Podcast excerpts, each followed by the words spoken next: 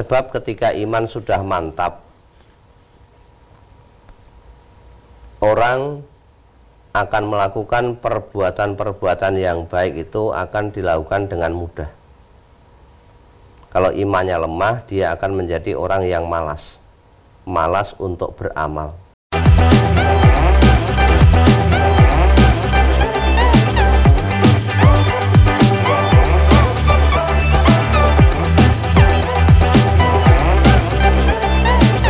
Bismillahirrahmanirrahim. Assalamualaikum warahmatullahi wabarakatuh. Saudara pemirsa channel terpilih MTA TV di mana pun Anda berada.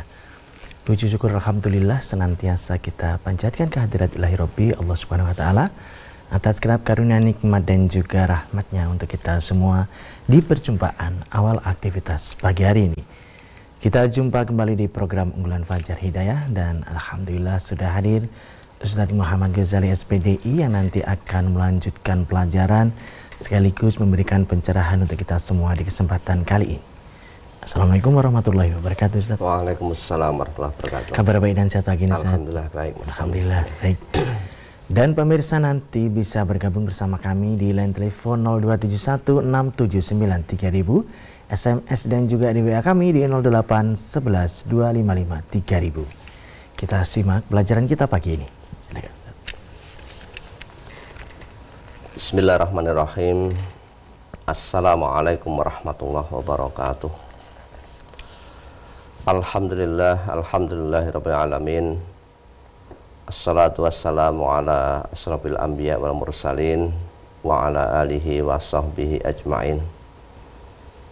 Qala Allah Ta'ala Fi kitabihil karim A'udhu billahi minasyaitonir rajim Ya ayyuhalladzina amanu taqullaha haqqa tuqatih wa la tamutunna illa wa antum muslimun. Wa qala aidan Ya ayyuhalladzina amanu taqullaha wal tanzur nafsum ma qaddamat lighad wattaqullaha innallaha khabirum bima ta'malun. Wa qala Rasulullah sallallahu alaihi wasallam ittaqillaha haitsuma kunta wa atbi'is sayyi'atal hasanata tamhuha wa khaliqin nasa bi khuluqin hasanin. Rabbi syrah li sadri wa yassir li amri wahlul 'uqdatam min lisani yafqahu qawli amma ba'd. Para pemirsa MTA TV dan juga para pendengar Radio Persada FM dan juga radio yang lain yang dalam jaringan. Puji syukur kehadirat Allah Subhanahu wa taala. Pada kesempatan pagi hari ini Allah masih memberikan kepada kita waktu kesempatan tentunya waktu yang diberikan oleh Allah ini agar tidak termasuk bagian daripada orang-orang yang rugi. Bagi orang yang diberikan kecerdasan akal atau yang sering disebut dalam Al-Quran sebagai orang-orang yang ulul albab bisa menggunakan akalnya. Itu akan digunakan untuk amanu wa amilus solihat watawasau bil haq watawasau bis sabr. Ini agar kita tidak menjadi orang-orang yang rugi. Yaitu kita hidup di dunia bagaimana keimanan kita bisa terpupuk dengan baik. Bisa terjaga. Sebab ketika iman sudah mantap, orang akan melakukan perbuatan-perbuatan yang baik itu akan dilakukan dengan mudah. Kalau imannya lemah, dia akan menjadi orang yang malas. Malas untuk beramal. Karena keyakinannya kendor. Tidak terlalu yakin. Maka yang utama bagaimana keimanan itu bisa kita jaga, kita pertahankan bahkan kita tambah baru nanti akan mewujudkan yang namanya amal-amal yang soleh, amal-amal yang baik. Di samping itu karena manusia itu merupakan makhluk yang memiliki salah, memiliki dosa, sering melakukan pelanggaran. Maka perlu adanya tawasobil hak, tawasobil sabar disaling mengingatkan di dalam menetapi kebenaran. Ya. Orang berbuat baik itu perlu diingatkan, perlu diajak, diseru, dimotivasi. Karena di dalam kehidupan dunia ini banyak sekali rintangan-rintangan yang ada. Hal-hal yang bisa membelokkan arah dari tujuan yang hakiki. Kemudian orang yang mengingatkan juga perlu bersabar. Barangkali ada orang yang diajak diingatkan sekali tidak mau, dua kali tidak mau, perlu tiga kali. Ini butuh kesabaran. Kemudian kita juga diingatkan oleh Allah agar jangan menjadi orang-orang yang mengikuti perilaku-perilaku orang-orang kafir yang mereka bergerak bebas di muka bumi tanpa adanya aturan. Maka pada pagi hari ini kita akan mempelajari beberapa ayat Allah dalam rangka untuk mempertebal keimanan kita kepada Allah. Agar iman kita semakin mantap. Dan bagaimana kita memiliki jati diri identitas sebagai orang-orang yang muslim. Karena ada beberapa ayat Al-Quran yang memang memerintahkan kepada kita bagaimana kita menampilkan diri sebagai orang muslim fasyhadu bi anna muslimun wa takunu syuhada 'alan nas agar kita menjadi orang mukmin, orang muslim yang sejati. Dan muslimnya perlu ditampakkan menjadi identitas diri bagi kita. Allah berfirman di surat Ali Imran ayat 196 sampai 198 A'udzu billahi minasyaitonir rajim. La yaghurrannaka taqallubul ladzina kafaru fil bilad. Mata'un qalil summa ma'wahum jahannam wa bi'sal mihad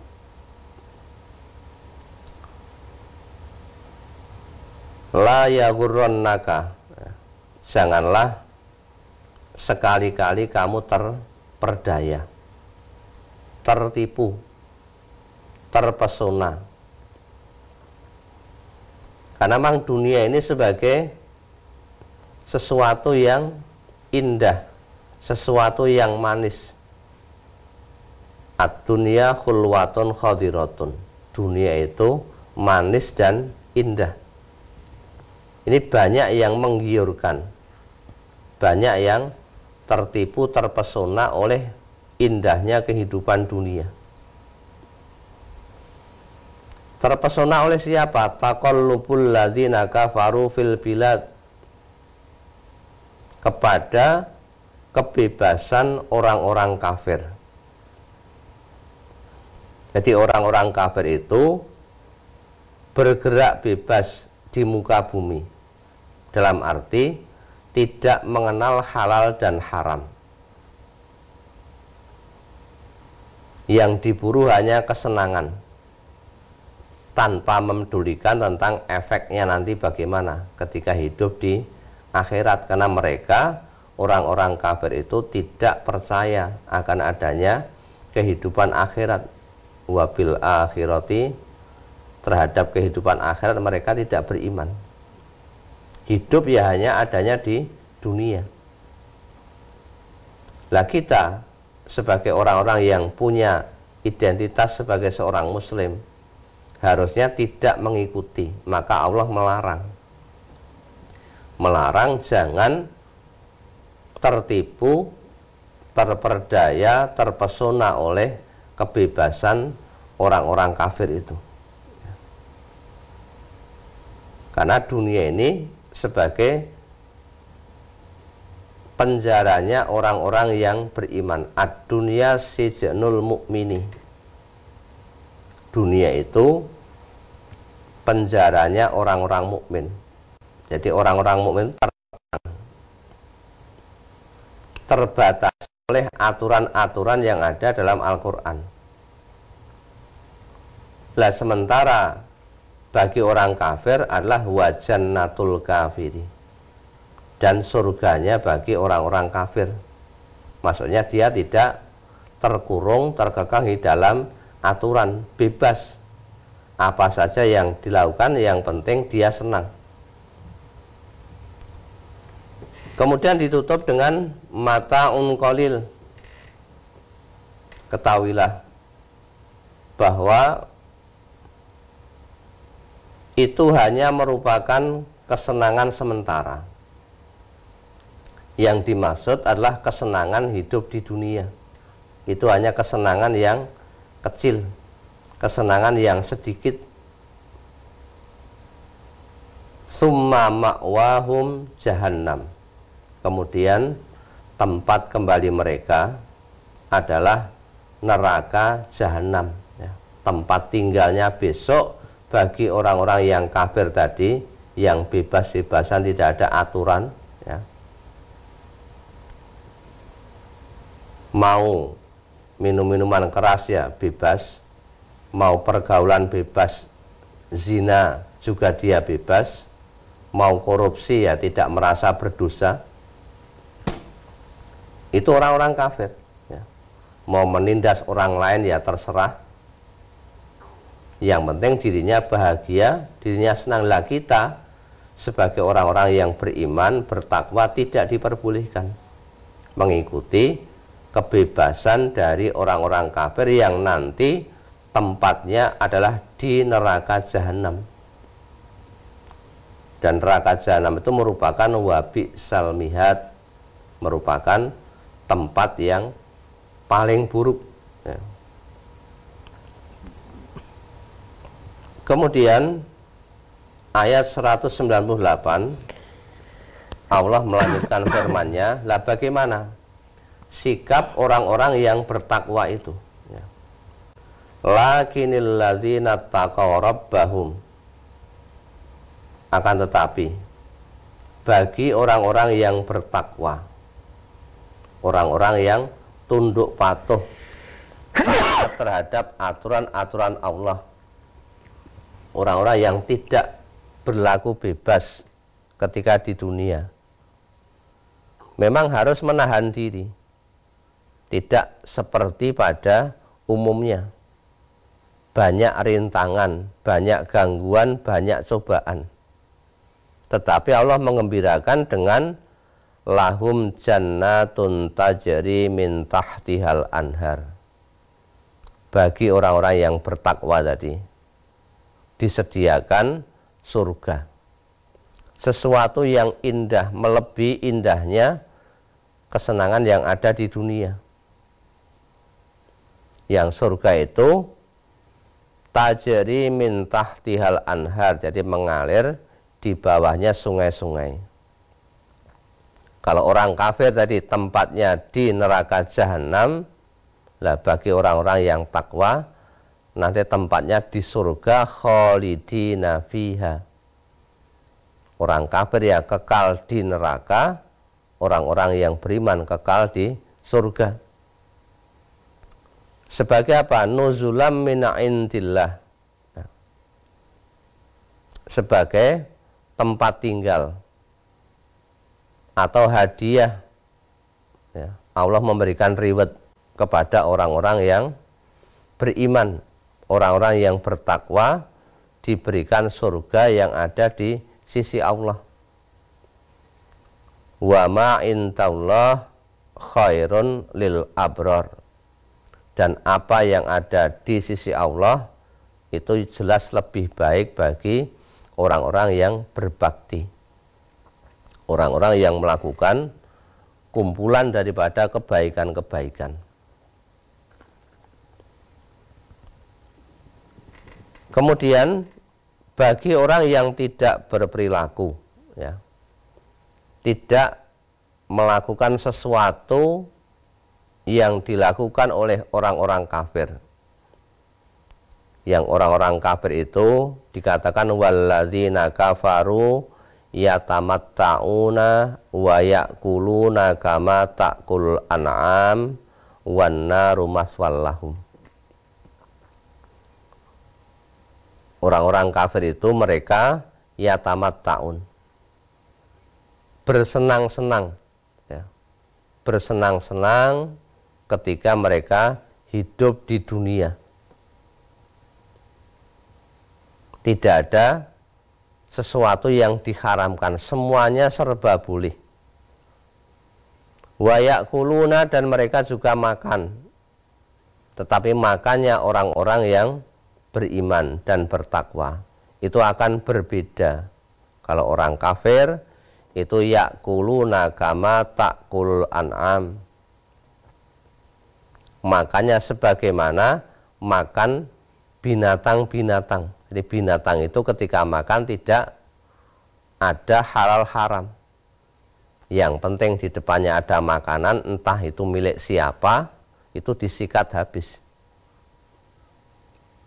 nah sekarang ini banyak orang-orang yang berperilaku seperti itu ada uang, dana apa pun, kemudian dia butuh, ya diambil. Padahal itu dananya milik tabungannya para tentara, tabungannya para polisi, atau tabungan mungkin ada miliknya para nasabah, itu juga bisa diambil atau harta-harta rakyat yang terkumpul dalam pajak setelah terkumpul di pusat kemudian diambil, dimakan. Nah itu milik siapa? Ini orang kafir mereka tidak peduli. Ya. Yang penting dia dapat banyak bisa memiliki hal-hal yang menyenangkan ketika hidup di dunia. Punya rumah mewah, mobil mewah dengan cara semaunya sendiri apakah penipu atau korupsi dan yang lain-lain. Kemudian bagi orang kafir tadi apa? Wan naru maswallahum. Dan neraka itu sebagai tempat tinggalnya. Ya. Nah, bagi orang-orang yang beriman, orang-orang yang betul-betul bisa menjaga diri, menahan diri, Allah akan memasukkan innallaha yudkhilul ladzina amanu wa amilus solihat jannatin tajri min tahtihal anhar. Sesungguhnya Allah akan memasukkan orang-orang yang beriman. Dan juga orang-orang yang mengerjakan perbuatan-perbuatan yang baik sebagai wujud aplikasi penerapan yang ada dalam hati keimanannya itu akan diberikan surga yang mengalir dari bawahnya sungai-sungai sebagai gambaran tempat yang sangat indah tempat yang sangat menyenangkan yang ketika di dunia belum pernah mala ainun ro'at mata belum pernah melihat wala udhunun samiat telinga juga belum pernah mendengar wala khotoro ala kolbi bashar dan hati belum pernah ada terlintas tentang keindahan-keindahan daripada surga. Ini menunjukkan kenikmatan yang begitu besar bagi orang-orang yang beriman, bagi orang-orang yang bertakwa. Maka kita pupuk keimanan kita. Jangan sampai keimanan kita menjadi lemah sehingga menyebabkan kita malas untuk melakukan amal-amal yang soleh. Ya. Baik pemirsa kami harapkan Anda bisa bergabung bersama kami di line telepon 02716793000. SMS dan juga di WA kami di 08112553000. Namun sebelumnya kita akan simak beberapa informasi dalam rangkaian jeda pariwara berikut ini. Ke pemirsa channel terpilih MTA TV di mana pun Anda berada, terima kasih Anda masih setia bersama kami khususnya di program unggulan Fajar Hidayah pagi ini. Kami persilakan yang ada di line telepon 02716793000 untuk bisa bergabung. Halo, Assalamualaikum. Halo, Assalamualaikum. Halo, Assalamualaikum. Halo. Waalaikumsalam.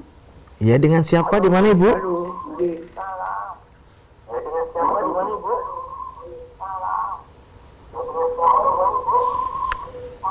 Mohon maaf untuk untuk volume radio atau televisinya mohon dikecilkan atau dimatikan saja Ibu. Ada gangguan suara koneksi besar yang ada di sini.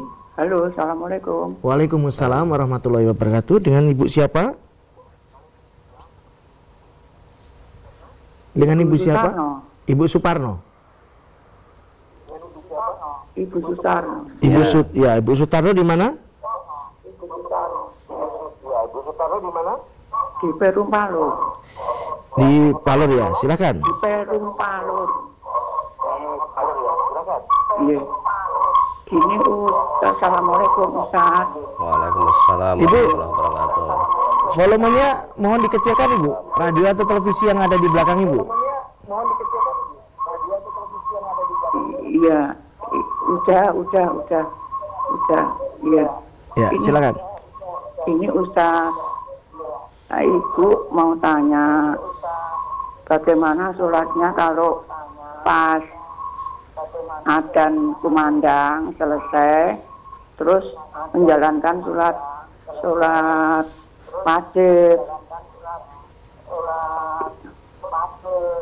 apa itu sudah sudah sah ya dok eh, eh kok dok Ustaz Ya, gimana? Gitu ya. Iya. Itu aja, Dok. Itu aja, Ustaz. Ya. Maaf ini sering konsultasi sama dokter jadi ini. Oh, nggih, nggih. Dokter. Nggih. Iya. Iya. Iya, gitu ya, Dok. Iya. Ustaz, Ya. Assalamualaikum. Waalaikumsalam warahmatullahi wabarakatuh. Ya, baik Ibu. Ketika azan sedang berkumandang, kita dituntunkan untuk menjawab azan. Ya, itu disunahkan.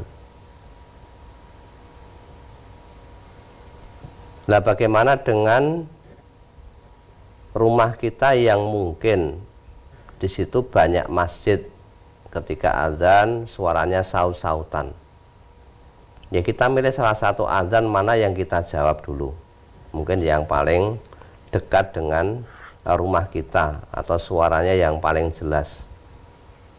Kita jawab dulu azannya Allahu Akbar Allahu Akbar. Kita jawab dengan Allahu Akbar Allahu Akbar Asyhadu an la ilaha illallah dijawab dengan asyhadu an la ilaha illallah dan seterusnya sampai akhir hayya 'alas shalah la haula wala quwata illa billah ya. Nah, ketika sudah selesai lah baru kita mengerjakan sholat wajib tadi. Ya. Mengerjakan sholat wajib walaupun mungkin dikerjakan di rumah. Ya. Walaupun tadi kan yang menjadi pertanyaan dia mesti mengerjakannya di rumah. Nah, bagaimana ketika ada azan kemudian mengerjakan sholat wajib?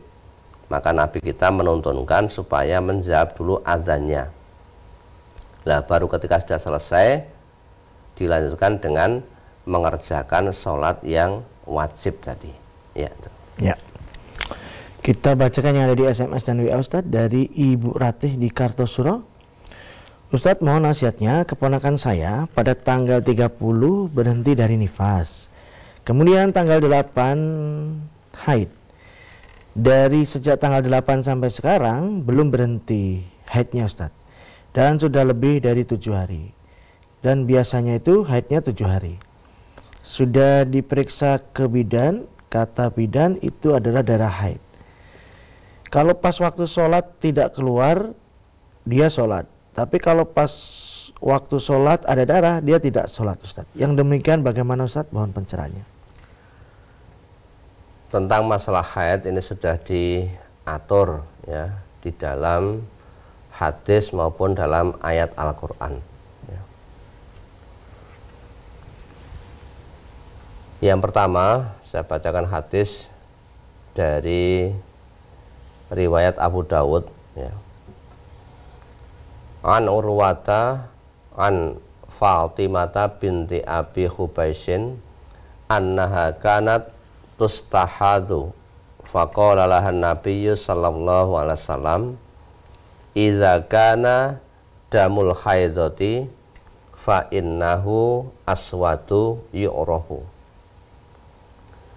Fa iza kana kadzalika fa amsiki 'anis shalah fa iza kana al-akharu fa tawaddoi wa salli fa innama huwa irkun dari Urwah dari Fatimah binti Abu Khubais sesungguhnya ia beristikhadah.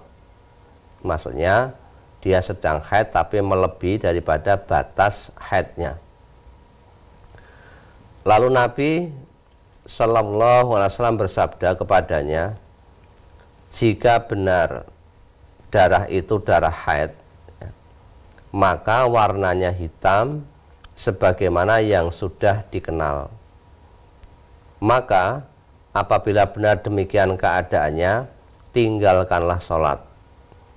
Akan tetapi, apabila berwarna lain, maka berwudulah dan sholatlah. Karena sesungguhnya itu adalah dari gangguan urat. Ini cara bagaimana ketika orang yang berhaid itu lebih daripada uh, jadwal atau hari-hari yang semestinya saya yakin para wanita paham ini darah ini darah haid atau bukan. Nabi memberikan gambaran kalau itu darah haid maka warnanya hitam ya.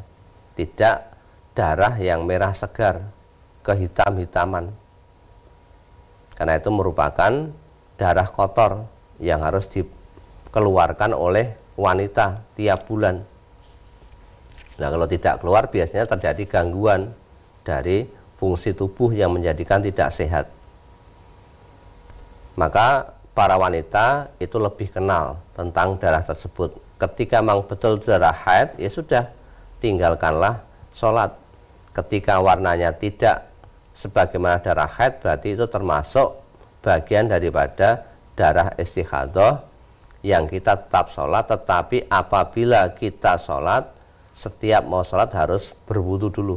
Jadi membersihkan uh, darahnya tadi, kemudian berwudu, kemudian tetap mengerjakan sholat. Ya.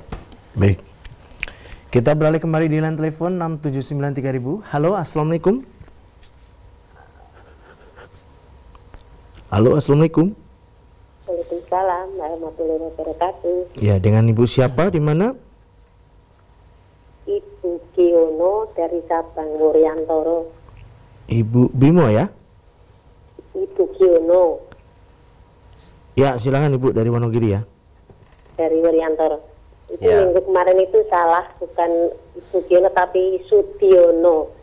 Oke, Bu Sudiono, monggo. Apa yang disampaikan? Tapi Ibu Kiono dari Cabang Wuryantoro, Mas. Ya, silakan. Assalamualaikum warahmatullahi wabarakatuh, Ustaz. Waalaikumsalam warahmatullahi wabarakatuh. Pertanyaan kami yang pertama, saya itu sering menasihati tetangga untuk melakukan kebenaran. Biar diterima atau tidak terima kan mendapat pahala, tapi tidak di iblis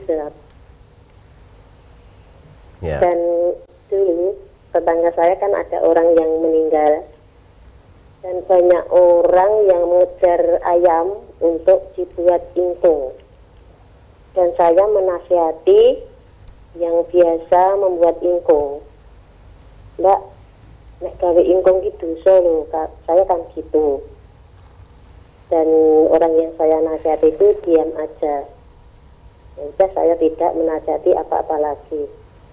Ternyata beberapa hari yang lalu itu tetangga saya ada yang terakhir sama saya.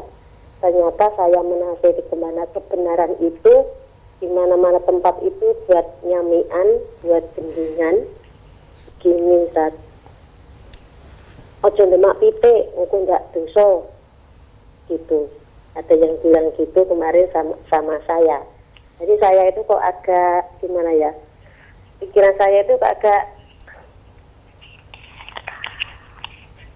kecewa menasihati seseorang itu apa saya termasuk itu orang yang salah menasihati untuk kebenaran itu Ustaz? Ya, demikian ya. Dan yang dan yang kedua,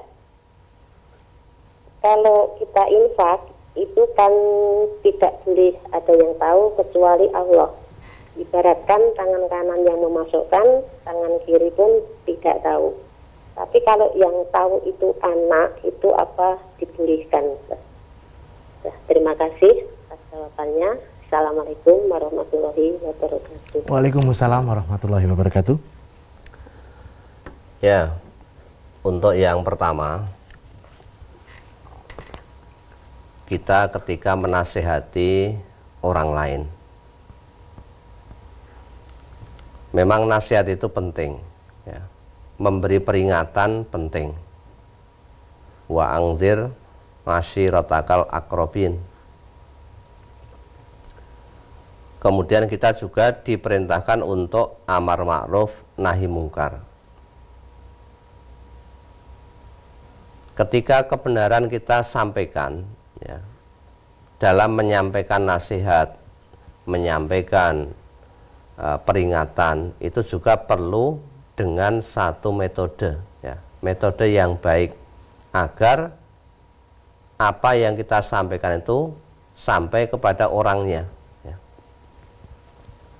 Itu yang pertama. Kita juga perlu memakai satu bentuk cara. Allah berfirman di surat An-Nahl ayat 125 ya. Bagaimana ketika kita mengajak menyeru kepada manusia Ud'u ila sabili rabbika bil hikmati wal mau'izatil hasanati wajadilhum billati hiya ahsan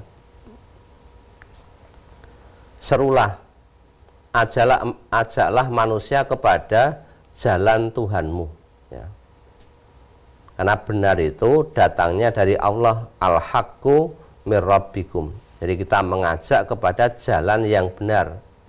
Kita nasihati. Bagaimana caranya? Bil hikmati. Dengan hikmah. Ya. Dengan perkataan yang tegas. Perkataan yang benar. Sehingga tampak antara yang hak dan yang batil. Jangan menyampaikan yang abu-abu atau membingungkan. Kemudian yang kedua dengan cara wal mau'izatil hasanah ya. Dengan cara pelajaran yang baik, nasihat yang baik ya. Sehingga orang yang kita beri nasihat itu juga mudah-mudahan bisa menerima Kemudian kalau membantah ya dibantah dengan wajah dilhum billati ahsan. Dibantah dengan cara yang baik pula. Ya. Ketika kita menyeru satu bentuk kebenaran, mau diterima atau tidak itu tidak masalah. Ya. Mau dibenci atau tidak kita tidak masalah. Yang penting kita sudah menyuarakan kebenaran dan cara yang kita lakukan juga harus dengan cara yang baik ya. Itu yang pertama. Lah, orang mau membenci atau menerima itu hak mereka. Nabi saja ketika menyeru kepada jalan Tuhannya juga banyak mendapatkan tantangan. Lah, apalagi sekelas kita. Kemudian yang kedua tentang masalah infak ya memang infak itu boleh dengan cara terang-terangan maupun dengan cara sembunyi tergantung bagaimana kondisinya. Di surah Al-Baqarah ayat 274 Allah berfirman Alladzina yunfikuna amwalahum bil laili wan nahar sirra wa alaniyatan falahum ajruhum inda rabbihim wala khaufun alaihim wala hum yahzanun. Jadi orang-orang yang menafkahkan hartanya apakah di waktu malam atau siang secara tersembunyi dan terang-terangan maka bagi mereka bagi orang yang infak tadi falahum ajruhum inda rabbihim. Mereka mendapatkan pahala dari sisi Allah. Kemudian diberikan oleh Allah rasa wala khaufun alaihim wala hum yahzanun. Tidak ada kekhawatiran dan juga mereka tidak uh, bersedih hati. Jadi ada dua metode dua cara ketika kita infak ketika infak itu atau kita membantu yang sifatnya personal itu lebih baik. Itu secara sembunyi-sembunyi biar banyak orang yang tidak tahu. Tetapi ketika mungkin ada satu bentuk lelangan nah, misalnya di MTA ada pembelian lahan untuk pondok putri ini sebagai contoh Kemudian di cabang tersebut diberikan bagian eh, warganya misalnya ada 200 juta. Kemudian ketua cabangnya melelang. Nah, siapa yang mau mengambil bagian dari pembelian calon untuk tanah Pondok Putih tadi? Nah, ada yang menyanggupkan saya 10 juta, saya 15 juta, saya 20 juta itu boleh. Tidak termasuk bagian daripada riak untuk apa? untuk memotivasi bagi yang lain. Agar juga ikut andil di dalam infak fisabilillah ya. Lah bagi yang mau sembunyi ya boleh saja. Tapi itu tidak dilarang diperbolehkan ya. Tetapi ketika membantu seseorang mungkin karena mungkin kekurangan biaya sekolah atau mungkin masalah logistik, masalah makan dan sebagainya lebih baik dilakukan secara uh, sembunyi-sembunyi. Jangan sampai tangan kirinya melihat apa yang dilakukan oleh tangan kanannya. Maksudnya bagaimana agar tidak menyinggung perasaan bagi orang yang uh, menerima tadi bagi uluran tangan kepada orang-orang tadi. Ya. Ya. Kita beralih lagi di SMS dan WA Ustaz. Pertanyaan berikutnya dari Bapak Burhan di Bengkulu. Apakah membaca kitab suci Al-Quran itu harus memakai kitab Ustadz? Lantas bagaimana jika kita mengulangi hafalan kita yang tidak memakai kitab? Ya memang hakikatnya Al-Quran itu merupakan kalamullah ya, perkataan Allah. Kemudian dituangkan dalam mushaf dalam sohifah lembaran-lembaran ya print out yang dicetak dalam bentuk Al-Quran.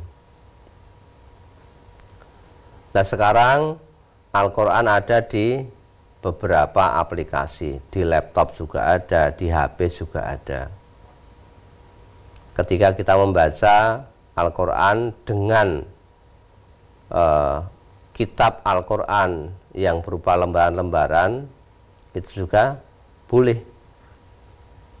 Ketika kita membaca dengan HP tadi yang ada aplikasi Quran juga boleh. Yang penting yang kita baca adalah kalamullah.